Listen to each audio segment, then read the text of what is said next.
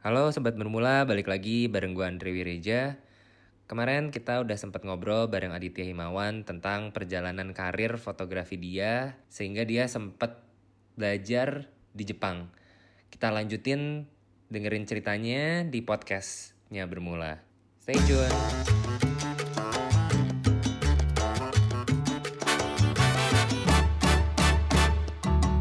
gue ngalamin yang namanya diusir, nggak dibukain pintu.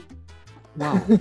Di, ya gue siapa gitu orang Indonesia, Hmm. entah ujuk-ujuk datang gitu mau Mm-mm. bawa portfolio, mau magang gitu kan istilahnya. Hmm. Datangnya ngetokin pintu satu-satu. Gue ke fotografer-fotografer itu dan segala macam dan rata-rata ya semua nggak ada yang nerima gue, siapa gue. dan gue kayak kayak mimpi di siang bolong aja gitu kalau tiba-tiba ada yang mau nerima kan, ya am I gitu kan. Mm-mm. ya itu kejadian gue gue berapa ada berapa lama dan sampai gue sempet down banget sih sampai benar-benar gue literally nangis di kamar itu pernah gitu kan. Kayak gue menyesali semuanya dan gue kayak gila gue kayak waste banget enam bulan gue di sana gitu loh. Dan Gimana tuh lu akhirnya ngebalikinnya lagi tuh dari sedown itu? dan anehnya anehnya ya maksudnya gue mencoba banyak fotografer tapi gue nggak mencoba fotografer yang bikin gue pengen ke sana kayak Oke. itu kayak kayak gue last resort gue gitu karena gue nggak berani karena gue kayak mungkin waktu itu gue kayak nggak berani kayak nggak berani menerima kenyataan kalau gue ditolak sama dia gitu kan Oke. jadi sisanya tinggal dia gitu yang yang gue belum Hmm. kontak gitu loh sedangkan yang lain tuh studionya itu ada di pinggiran Tokyo Mm-mm. dia itu ada di Omotesando dong di studionya Oh, gokil, gokil. lo tau lo tau gedung Prada tuh udah tempat yang top banget ya. iya lo tau gedung Prada Herzog Myorong itu Hah? gedung Pradanya yang di Tokyo Prada, yang di iya. Omotes Iya. gedung Omotesando yang Di berken itu iya. ya sederetan tuh Oh, gokil. Udah Jiper seseorang nggak? banget nih fotografer nih ya. Kan- Dia jadi gue jiper kan maksud gue kayak gue liat alamatnya terus gue liat Google Map waktu itu gue kayak anjir yang, yang, yang pinggiran aja gue ditolak ini apa lagi gue diapain gitu ya, ya udahlah terus habis itu oke lah last resort udahlah ke ini. Ini nggak diterima juga pulang gue gitu kan.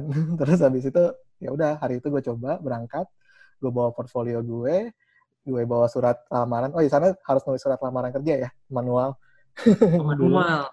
Nggak nggak boleh pakai email.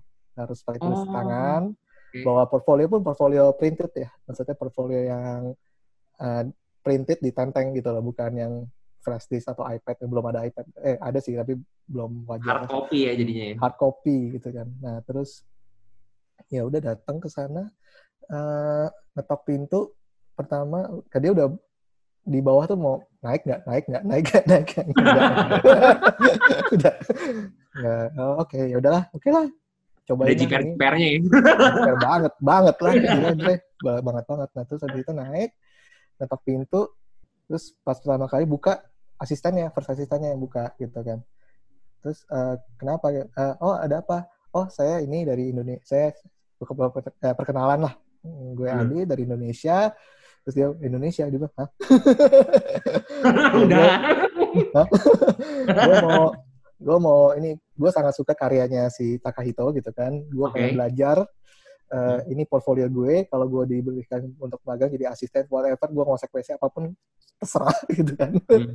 pokoknya gue pengen belajar gitu kan terus ya udah oh lu bawa portfolio bawa oke bentar ya gitu kan dia tutup pintu oke first time nih portfolio gue diterima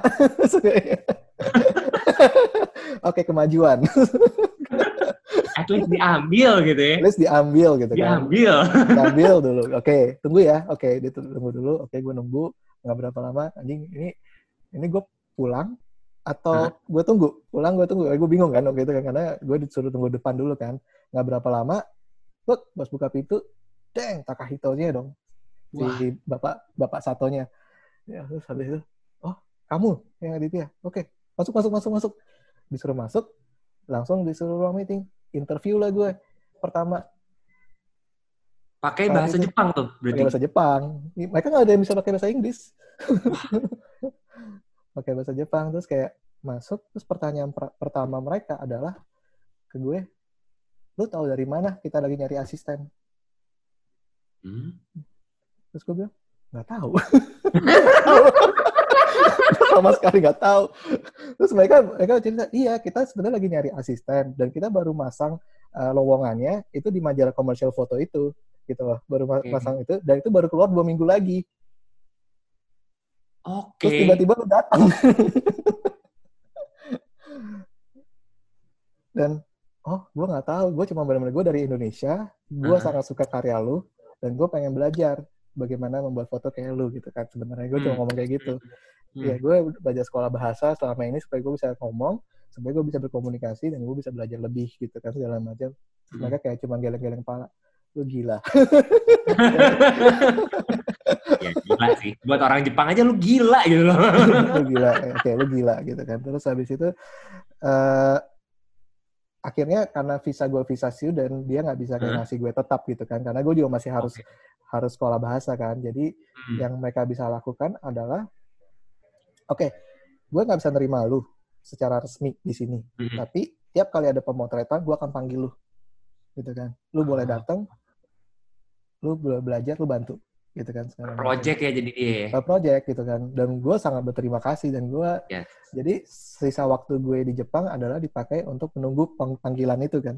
Tiap yeah. kali ada panggilan gue harus datang dan gue menjadi krunya mereka gitu kan, bantuin mereka dan segala macam. Hmm. Nah di situlah gue apa uh, langsung kayak belajar hal baru lagi itu di situ kayak bagaimana mereka berdedikasi terhadap sebuah visual. Kayak apa ya menurut gue kayak gue tuh masuk ke pemotretan mereka tuh kayak masuk ke dapurnya Michelin Star gitu loh yang benar-benar yang semua di di craft dengan apa proper gitu ya kayak proper, proper dan dan uh, heartful gitu loh. Jadi benar-benar kayak semua semua semua dengan dengan sepenuh hati Oke. Okay. Se semua yang dikerjakan tuh semua pakai hati dengan, gitu ya. Pakai hati gitu loh. Semua dengan dengan take care of it benar-benar it's very hmm. a fragile thing and everything has to be take care of carefully gitu kan segala macam mm -hmm. dari dari ngepotong uh, styrofoam segala hmm. macam mm. naikin stand naik uh, kerjaan pertama gue adalah naikin stand semua harus sama oh ininya ya uh, tingginya harus sama semua level. Ya, level dari bawah atas bawah atas semua harus sama. Tak tak tak tak tak wah. Itu kan. Pantas sekarang lu serapih itu ya, Dit. Adit ini rapih banget, pendengar. karena karena maksudnya itu part of the of the culture di sana gitu loh. Kayak okay. ada de, ada debu dikit di apa di background dihapus hmm. dengan uh, sarung tangan ster, uh, terhapus dan di blower dengan rapi wah. Itu uh, caring terhadap sebuah visual tuh sampai segitunya gitu di sana jadi hmm. maksud gue eh, apa ya walaupun pakai digital shoot digital dan segala macam mereka nggak ganggap yeah. enteng mereka hmm. mindsetnya masih analog gitu loh ya yeah. take care of it di kamera bereskan semua di kamera gitu kan make it photography itu yang gue dapat dari sana dan itu yang kayak membuka mata gue gue kayak lagi kayak berada di surganya fotografi gitu deng iya yeah. lah ya oh my god gitu loh ternyata pakai hati banget gitu. Dan pakai hati banget gitu loh. Padahal itu buat iklan gitu kan. Gue merinding lah. Nah, it, itu yang yang yang yang yang akhirnya ya karena kalau kalau gue kalau gua kerja di sana ya gue harus benar-benar standby kan. Gue nggak bisa ngobrol hmm. terlalu banyak kan sebenarnya kan. Yeah. Nah ada satu saat tuh gue diajak uh, makan sama mereka sama di mereka kan tim mereka sama ada director dan segala macam bla bla bla. Dan di kesempatan itu gue bisa nanya sesuatu yang gue selalu pengen tanya gitu kan menurut apa? lu foto yang bagus tuh apa sih gitu kan ah, definisi foto bagus tuh apa iya. sih gitu ya itu kan ah. pertanyaan basic yang selalu gue gue galau gue tanya bertanyakan iya. kan dan nah, banyak orang juga pertanyakan sih itu ya iya gitu loh dan dia iya. menjawab menjawabnya dengan menurut gue uh, make sense gitu loh kayak uh, lu mau foto apa pun sih, mau foto fashion, lu mau foto dokumenter, lu mau foto wedding, lu mau foto jurnalistik, lu mau foto uh, whatever it is gitu kan iklan hmm. termasuk fotografi hmm. basically the same kan sebenarnya fotografi gitu kan yeah. foto yang bagus tuh itu foto yang bagaimana si fotografer itu bisa menempatkan jiwanya di situ gitu kan ya how it, you can put your soul there and it can hmm. transcend to the audience gitu kan waduh that's photography gitu kan sebenarnya pakai hati gitu ya pakai hati ya. ya lu put rasa gitu. Lu taruh jiwa lu, lu taruh rasa lu di situ dan hmm. rasa lu itu bisa bisa ke transfer ke audience dan justru dengan foto yang punya rasa itu menurut gue itu yang paling powerful kan Iya. even buat komersial gitu loh komersial pada paling power komersial yang paling powerful yang bisa menyentuh hati kan Iya. sebenarnya Hmm. bagaimana visual jawabannya. vis- makanya maksud gue it's very very relevant dan maksud gue itu juga juga juga bisa sangat apa eh, sangat ap- applicable ke semua karya gitu mau bidang Mm-mm, apa pun mm-mm. sebenarnya dan maksud gue itu yang gue nangkep dan akhirnya eh, untuk bisa seperti itu ya lu harus search not outside but inside Hmm. gitu loh. Iya. Jadi apa yang menurut lu bagus, apa yang menurut lu indah dari diri lu terjemahkan dalam visual lu gitu kan. Dan- Lebih ngegali ke diri sendiri ya. lebih ngegali ke diri intinya. sendiri gitu loh. Jadi eh, dan dari situ eh, pikiran gue kok kebuka, makanya kenapa gue sangat encourage orang-orang eh, fotografer Indonesia ya lebih tepat ya untuk masuk ke iklan dan meramaikan karena kita butuh individual-individual yang banyak yang yang punya mindset dan punya apa ya eh, taste dan rasa ya jiwa ya jiwa yang lain untuk bisa meramaikan industri ini. Gue nggak bisa sendirian. Oke. Iya sih. I cannot Harus do this bareng-bareng gitu. Harus bareng-bareng, harus Bareng, rame-rame gitu kan, harus rame-rame gitu. I cannot do this alone gitu. Karena gue pasti akan limited. Gue pasti akan terbatas gitu kan. Kemampuan gue Hmm. pasti terbatas gitu kan. Tapi kalau ini bisa dilakukan secara kolektif gitu loh untuk bangun industrinya bareng-bareng dan bangun scene-nya bareng-bareng it's going to be very beautiful. Ya kompetisi pasti ada, tapi maksud gue if it healthy why not gitu kan. Iya, betul, betul. Ya nggak sih? Tapi maksud gue, tapi tujuannya sama, how to make this scene atau this industry better kan. Nah Iya. dari situlah makanya kenapa uh, Lebih ke bigger picture gitu ya, lu yang bigger kayak picture gitu loh. Uh, Nah Iya. makanya dari di Jepang itu gue dapet uh, foundation yang ketiga yang jadi strong point gue itu ya soul gitu kan. Hmm. Jadi uh, tiga standar itu yang jadi pegangan gue sampai so far di industri ini sih. Surfing, standard, dan soul. quote of the day. Cakep gitu. Ya, lu, lu, lu, lu, iya. se- lu secara secara uh, mindset awal lu harus melayani. Buat gue di iklan ya, maksud gue ya. Hmm. Harus melayani gitu kan. Emang lu harus buat orang lain, itu bu- bukan buat lu. Bukan buat lu sebagai, wah dulu bisa, wah Adit tuh keren, wah Adit tuh ini. No, no, no, no, no. It's all about that gitu loh. Tapi uh, lebih ke buat orang lain bisa mendapatkan yang mereka butuhkan nggak gitu kan. Hmm. Si klien ini kira-kira butuhnya seperti apa nih? Visual yang punya rasa seperti apa yang dibutuhkan oleh si ini? Gitu kan kayak eh, kayak semacam ya apa ya chef yang bisa mengerti taste orangnya gitu kan yang lagi Orangnya. diajak makan gitu kan Tapi lu Nah, terus? kan lu terakhirnya kan kayak tadi gitu. eh Hmm. sorry ya, gue potong ya. Kayak apa-apa. terakhirnya lu dapet dapet vision ini nih tentang kayak harus surfing, lu harus pakai soul, lu juga kayak harus pakai ada standarnya. Nah, ada nggak sih masa di hidup lu yang sebelumnya yang kayak eh, lebih egois gitu istilahnya? Ada nggak kalau lu? Atau lu dari start udah yang kayak ke visionnya ke sini?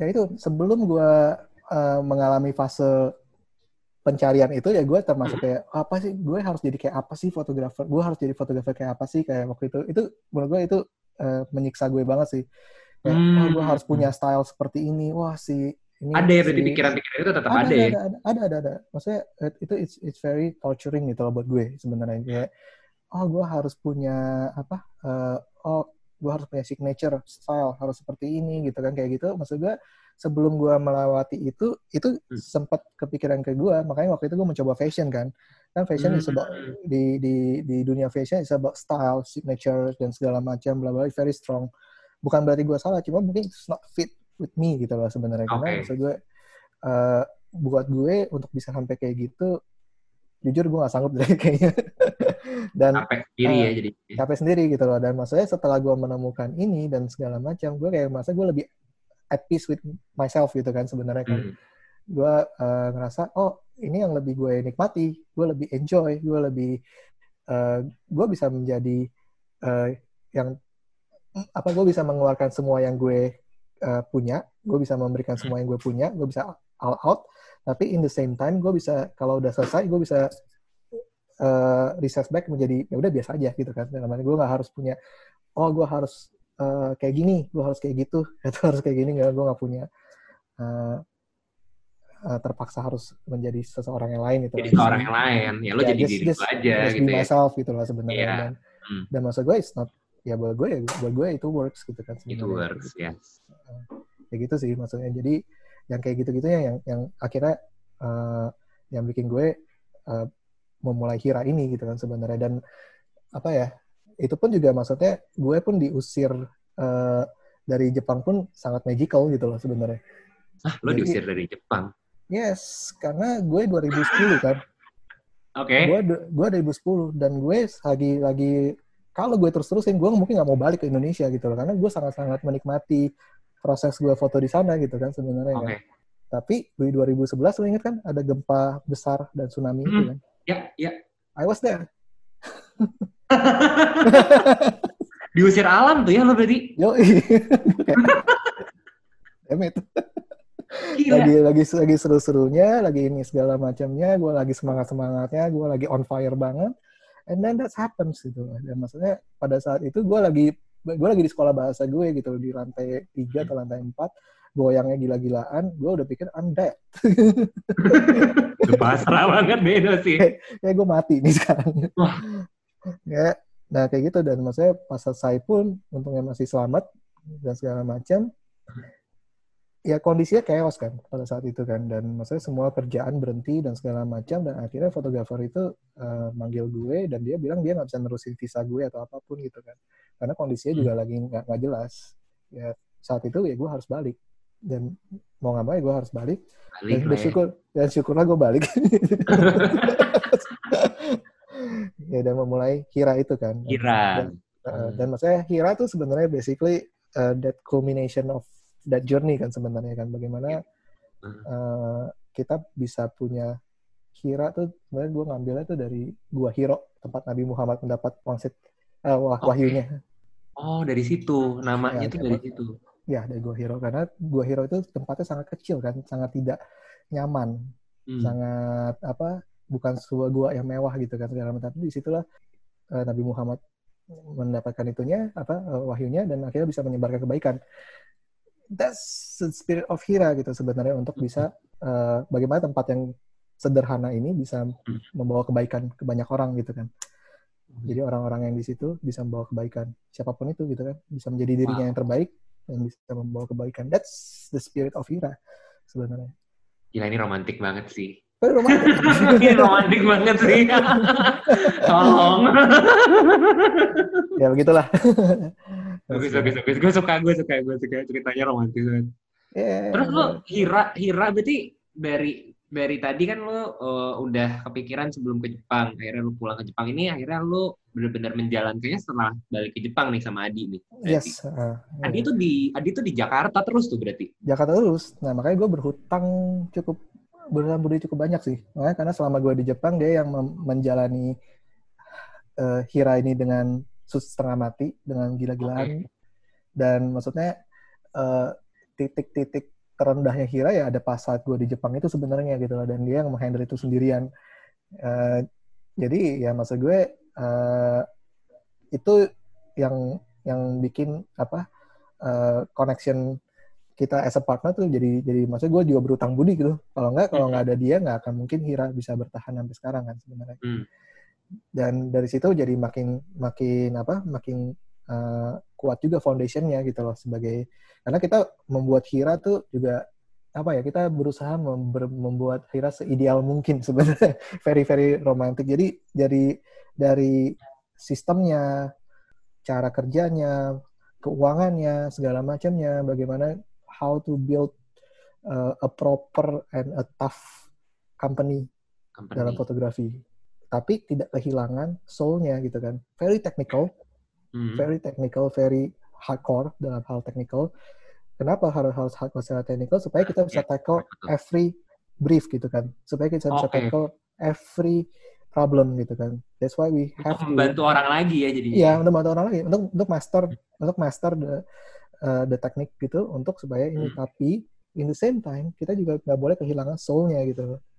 Hmm. Ya gitu kan. Jadi that's Tetap ada rasa tadi. tetap ada rasa, tetap ada punya Heeh. keindahan, tetap punya Keindahan. beauty gitu loh. Have to be beautiful, have to be powerful gitu kan segala macam. Nah, tapi di fotografi gitu kan, nah itu yang nyari balance-nya atau mengawinkan duanya itu kan nggak segampang itu kan sebenarnya. Kadang itu sih ya, ya. ya karena maksudnya orang wah very very powerful di soul dan segala macam tapi di basic stuffnya mungkin keteteran gitu kan Hmm. ya tapi sangat technical tapi kayak kehilangan soulnya gitu kan ya, Hmm.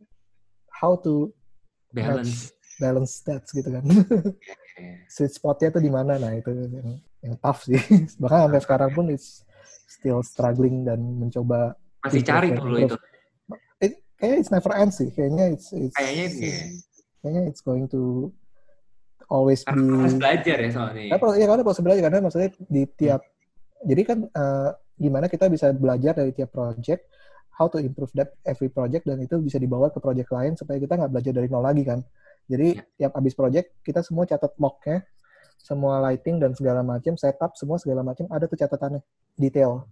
Dari jarak semua segala macam jadi kalau misalnya lu mau replicate project A ke project B itu bisa 100% gitu kan. Tapi habis itu apalagi yang bisa diimprove kan? Kalau cuma copy doang ya gampang kan? Iya sih.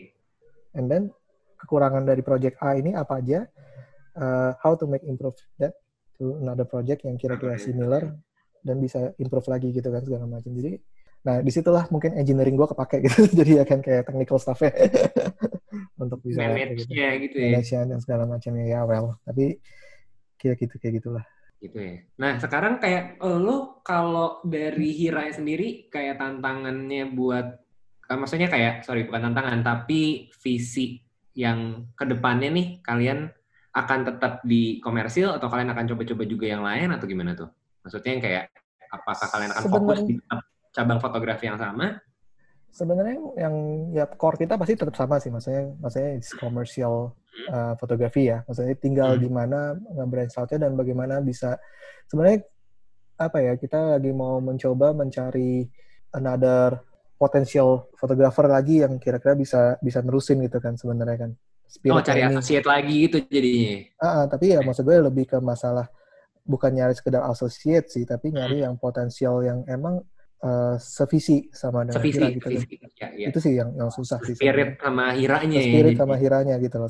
Itu yang mungkin gimana kita bisa regenerate lagi kan maksudnya kan. Karena Ya, betul, gue betul. bilang kan maksudnya nggak nggak nggak bisa cuma gue atau Adi Betul. doang gitu loh. Maksud gue Betul. harus ada uh, regenerasi dan harus ada uh, improvement lagi kan. Dan kalau bisa malah yang yang baru bisa lebih baik daripada gue atau Adi gitu kan. Betul, betul, betul, betul. Nah, Keren. itu yang itu yang itu susah nggak gampang itu. Itu untuk untuk punya mindset itu aja menurut gua nggak semua orang nggak tahu ya menurut gua nggak semua orang bisa punya mindset itu gitu mindset Hmm. untuk yang kayak gue mau lebih baik kayak anak didik gua nih semua yang jadi penerus gua mau jadi lebih baik gitu ya kan Iya iya iya mungkin ya. Saya nggak tahu. Betul. Ya tapi maksudnya that's itu yang menurut gue itu it's a lebih- beautiful thing menurut gua Ya, it's a beautiful thing sebenarnya. Iya. Kayak maksud gue. Gitulah. Makanya Oh. relationship gue sama fotografi very, very... ya ini pertanyaan mungkin pertanyaan-pertanyaan terakhir nih kayak gue pengen tahu kayak lo kan pasti juga pernah bosan ngedit hmm. di foto stuck nih gitu Oh, nah pernah. kalau lu ngapain lu ngapain lu Stop. bikin koktail kah gitu stop. Jujur, stop. Just stop. Stop. Gitu lah maksud. Ya, Terus lo gue, ngapain? Stop. Karena eh gue gak punya hobi lain. Jujur aja sebenarnya. oh lu nggak punya hobi fotografi. lain Gue gak punya. Gue benar-benar eh, hobi gue fotografi dan gue kerja buat fotografi and that's it. Dan oh. gue benar-benar kayak nggak nggak ya hobi lain pun bukannya sampai sedalam itu ya, cuman tapi maksud gue nggak nggak ya hobi gue adalah fotografi dan gue sangat menyukai fotografi udah that's it gitu kan gue menikmati melihat foto bagus Ya. gue menikmati melihat karya foto yang indah gitu segala macam tapi maksud gue eh, fot- selain foto gue nggak ada foto apa hobi lain sih enggak sih jadi sempat kejadian ya itu malah sebenarnya just baru-baru aja sih sebenarnya itu kejadian itu benar-benar lelahnya itu di 2019 kemarin Hmm. eh, semua kerjaan numpuk dan lagi kayak gaspol semua tapi akhirnya gue dalam tahap titik hampir burn out karena terlalu dipaksakan sebenarnya dan Hmm. itu akhirnya eh, eh, bikin jadi nggak nggak nggak healthy lagi sebenarnya menurut gue Hmm. Eh, jadi sebe kayak gue nggak nggak into it 100% jadi cuma kayak 80% ya. dan gue nggak suka itu gitu loh gue kayak kayak, kayak harus gue bisa lebih improve lagi di situ gue harusnya bisa lebih Hmm. baik lagi gitu loh banyak banyak hasil-hasil yang menurut gue kayak kalau gue lebih put more mungkin gue bisa dapat hasil yang lebih bagus lagi Hmm. Tapi masalahnya waktu dan kondisi waktu itu tidak mem- mungkin kan. eh, memungkinkan gitu kan. Jadi ya udah blessing in disguise-nya kejadian ya gara-gara corona ini kan. Hmm, akhirnya istirahat nih ya, mau nggak mau. akhirnya dipaksa stop. Gitu kan. That's a that's a blessing in disguise-nya gitu loh. Jadi ya eh, pas ini kejadian jedeng semua stop 100% hold break gitu kan. Dan gue grateful dan akhirnya gue ada waktu untuk bisa rethinking again gitu kan revisit again Eh, sebenarnya gue di fotografi ini kayak gimana sih maksudnya dan ternyata selama gue nggak motret itu gue merasa kehilangan gitu kan Hmm, hmm. gue merasa Kangen. kayak kangen lagi gitu kan kayak ternyata memang hidup gue tuh kayak pas gue kembali ke studio dan gue mengeset sesuatu, gue memotret lagi, gue menghasilkan Hmm. sesuatu, dan gue melihat klien-klien gue senyum happy dengan Ya. hasilnya, itu yang menurut gue lebih yang bisa bikin gue uh, bikin itu feeling grateful gitu loh, kayak bikin gue bikin happy gitu kan. Jadi ya, kalau lihat orang-orang yang gue bantu itu merasa terbantu, merasa happy terhadap hasilnya dan segala macam.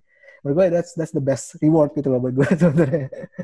Pada saat mereka kayak ah bagus ya gitu segala macam. That that kind of uh, simple gesture kayak gitu Hmm. menurut gue buat gue sangat sangat sangat meaningful. Dan jadi akhirnya sekarang jadi mulai mulai sibuk lagi tapi dengan momen kemarin gue istirahat gue jadi kayak recharge dan akhirnya Richard. Hmm. bisa bisa ber- berkarya lagi. Hmm. Udah nggak bosen ya? Ya harusnya enggak sih, Ya, ya, hopefully enggak. Ya, enggak. Tapi enggak. ya. jadi kayak lebih semangat lagi untuk bisa Yes. bikin apa lagi ya gitu loh bisa bisa bisa create something yang apa lagi ya kayak gitu gitu sih sebenarnya Oke, kalau gitu thank you banget ya Dit udah mau ngobrol sama gue.